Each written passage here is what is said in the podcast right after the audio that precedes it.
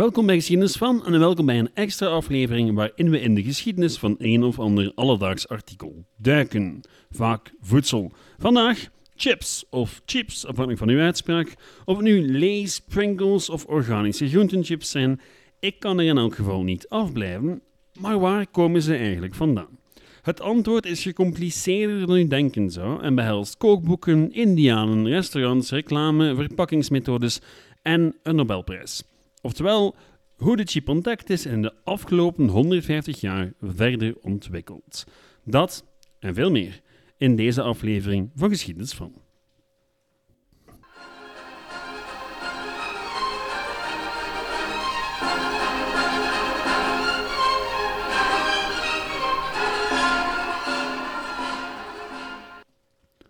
Laten we deze aflevering beginnen met een bekentenis. Dit was oorspronkelijk bedoeld als een volwaardige aflevering, maar tijdens het schrijven merkte ik dat er uiteindelijk wat te weinig vlees aan het onderwerp hing. Dat gebeurt, ehm, spijtig, maar goed. Meestal kan ik zeer goed aanvoelen welk onderwerp genoeg stof kan bieden voor een volledige aflevering, maar soms zit ik er naast.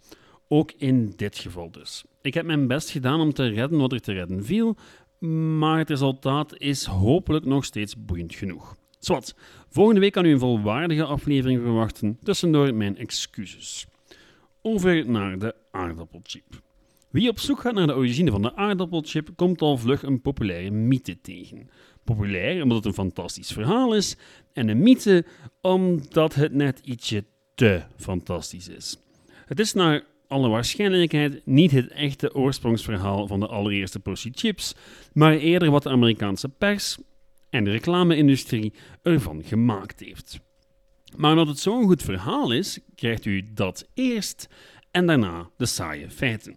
Het verhaal draait rond de figuur van George Speck, beter bekend als George Crumb. Die werd geboren als een Mohawk-Indiaan, jawel, in 1824 en spendeerde heel wat tijd als jager, gids en kok in de bergen. Dat allemaal in het noorden van New York State. Je hebt de stad New York, maar ja, de staat is nog een pak groter. En daarin heb je echt wel de Appalachian Mountains. Dus zeer boeiend gebied. Waar die Crum zijn naam maakte en uiteindelijk een chef werd in een populair restaurant in Saratoga. Nu, wat moet u weten over Saratoga? Het is een zeer populaire vakantiestad, zeker in die periode. U weet het wel, New York industrialiseert, fabrieken, en al dat soort zaken. En de rijke mensen van New York die vluchten al vaak in de stad uit naar Saratoga, naar de natuur, naar de rivieren, het meer, de bergen enzovoort. Nu, wat hebben ze daar nog nodig in Saratoga voor al die mensen? Restaurants. Vandaar George Crumb. Nu, George Crumb specialiseerde zich in het bereiden van wild vlees, zoals hert en eend, en werd al vlug chef in een zeer mooi restaurant. Nu, in 1853 zou er op een dag een nogal beroemd heerschap het restaurant zijn binnengewandeld, genaamd Theodore Vanderbilt. We hebben geen tijd voor zijn hele biografie, maar laten we zeggen dat de man een van de rijkste Amerikanen aller tijden was en net op het juiste moment geld investeerde in stoomboten en treinen, wat hem een ongelooflijk fortuin opleverde. Vanderbilt zou frieten besteld hebben, maar was niet bepaald tevreden met het resultaat. Zijn frieten waren te dik, te vochtig en er zat niet genoeg zout op. Hierop zou een geïrriteerde Krum in zijn keuken uit pure frustratie enkele aardappelen flinterdun gesneden hebben, ze gefrituurd hebben en bestrooid met extra veel zout. Vanderbilt zou het resultaat van die pesterij niet opvatten als de belediging zoals ze bedoeld was, maar als een fantastisch innoverend aardappelgerecht. Crum zou uiteindelijk zijn eigen restaurant openen in Saratoga en op elke tafel een mandje met chips placeren. Bij zijn uiteindelijke dood werd hij in meerdere kranten geroemd als de uitvinder van de chip. En tot haar de zeer Amerikaanse ontstaanslegende van de aardappelchip. En dan volgens nu het doorprikken van de bubbel. Nu, dat speelde zich zogezegd allemaal af in 1853. En wel, het eerste recept voor chips verscheen in 1817 in een Brits kookboek. Het was een recept voor potatoes fried in slices or shavings. Ook in 1824, 1825 en 1832 verscheen er een recept voor chips in kookboeken allerhande. En feit is dat Crumb pas echt genoemd werd als uitvinder na zijn dood. Nog in een krantenartikel van 1891 of in zijn eigen biografie werd Crumb genoemd als de uitvinder van de chip. Na zijn dood zal zijn zus claimen dat zij het kleinood heeft ontdekt door per ongeluk wat fijn gesneden aardappel in een pan vol met olie te laten vallen.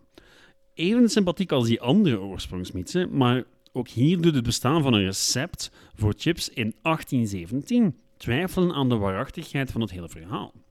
Nu, wat er ook van zij, het verhaal van Krum en Vanderbilt zal uiteindelijk om een bovendrijven als de algemeen aanvaarde oorsprongsmythe, toch zeker in de VS. Nu, feit is dat het veel logischer is dat de chip zich in Europa heeft ontwikkeld en dat het gewoon, ja, op een bepaald moment verscheen in een kookboek. Het is een logische verderzetting van het recept voor frieten, wat ook in Europa werd uitgevonden. Nu, waar komt het idee dat Krum de uitvinder is van de aardappelchip dan vandaan? Wel, um, reclame. Net als zoveel andere populaire leugens trouwens. Nu, dat begint al met het restaurant dat geassocieerd wordt met de uitvinding. Zij maakten vanaf 1854 jarenlang reclame met hun aardappelchips. En gezien de New Yorkse Beaumont er regelmatig neerstreek, verspreidde de populariteit van de chips zich al snel wijd en zijd. En toen er eenmaal grote bedrijven begonnen met de massaproductie van chips, werd de Krum-mythe bovengehaald om chips voor te stellen als een artisanaal product. Bedacht door een ware chef, met voeling met de natuur, een jager, een gids, een indiaan. En tja, ik snap wel waarom mensen daarin liepen. Nu, dat is een reclametechniek die je nog altijd ziet terugkomen. Jarenlang prijkte er op een bepaald merk van leeschips een oude man met bril die al glimlachend een portie chips uit een oven haalde. Dat en alle sympathieke mythes er rond moesten eigenlijk een kille waarheid verhullen. Er is niks artisanaals meer aan aardappelchips. Ze worden en masse geproduceerd en u en ik kunnen eigenlijk geen chips maken zoals die in de supermarkt. Niet alleen omdat we enkel over een oven of een frituur beschikken kunnen, maar vooral omdat we niet beschikken over verpakkingstechnologie en allerlei soorten smaaktechnologie. Chips zijn hoogtechnologisch voedsel geworden, ook al zijn ze helemaal niet zo begonnen. De ontstaansmythe van Krum mag dat wel niet kloppen, maar chips begonnen inderdaad in doodgewonnen 19e-eeuwse keukens voor een initieel zeer beperkt publiek. Naargelang de 19e eeuw vorderde, verspreidden aardappelchips zich, maar de productie en de nuttiging ervan bleef beperkt tot restaurants. Van het oppikken van een zakje chips voor de kleine honger was lang geen sprake. Begin de 20e eeuw doken de eerste bedrijfjes op die aardappelchips produceren op een grote schaal, al was dat eindproduct niet verpakt zoals we het vandaag gewend zijn. Als chips de eerste fabrieken uitrolden, dan deden ze dat vaak letterlijk in tonnen. Zo'n ton werd dan opgesteld in een markt of winkel waar klanten ze inkochten naar gewicht. Het probleem was natuurlijk dat je dikke pech had als je enkel nog over de bodem van het vat kon beschikken, want dan restte je niks dan kruimels. Een eerste revolutie kwam in de jaren 20 toen een bedrijf in Californië op het geniale idee kwam om zakjes te maken van bakpapier. Resultaat: minder kruimels, langer houdbaar en makkelijker te verkopen. In diezelfde jaren 20 begon men in de VS met productie op een grote schaal. Het was verrassend genoeg een zekere Leonard Jap, een chef en bokser, die op grote schaal chips produceerde en verkocht. Daarbij geholpen, volgens de legende, door Al Capone. Jawel, die Al Capone, de gangster. De man zou zelf een grote fan geweest zijn van de chips na enkele bezoekjes aan Saratoga en wou chips aanbieden in al zijn illegale drinkaangelegenheden, die hyperpopulair waren in de VS tijdens het algemene alcoholverbod. Nu, de tweede revolutie wat de verpakking betreft, was de introductie van cellofaan. U weet wel, dat glimmende spul waar chipzakjes vandaag de dag van gemaakt worden. Een derde revolutie was het gebruik van gas dat in het zakje geblazen wordt om de chips nog langer te bewaren en ze beter te beschermen of hoe dat zakje alleen al eigenlijk een hoogtechnologisch wonder is. En dan hebben we het nog niet eens gehad over de smaak. Vandaag de dag kan je het zo gek niet bedenken of er bestaan wel chips van. Een korte bloemlezing, hot and spicy, pickles, hamburger, ajijn, paddenstoel, chorizo, limoen, curryworst, gerookte zalm en krap. En elk land of regio heeft zijn eigen favorieten. Nu, die gigantische diversiteit aan smaken is een relatief recent verschijnsel. Tot 1954 was de enige smaak die je als consument tot je beschikking had zout. In 1952 kregen twee Engelse wetenschappers de Nobelprijs voor de uitvinding van gaschromatografie. En al vlug werd er druk mee geëxperimenteerd door voedselwetenschappers.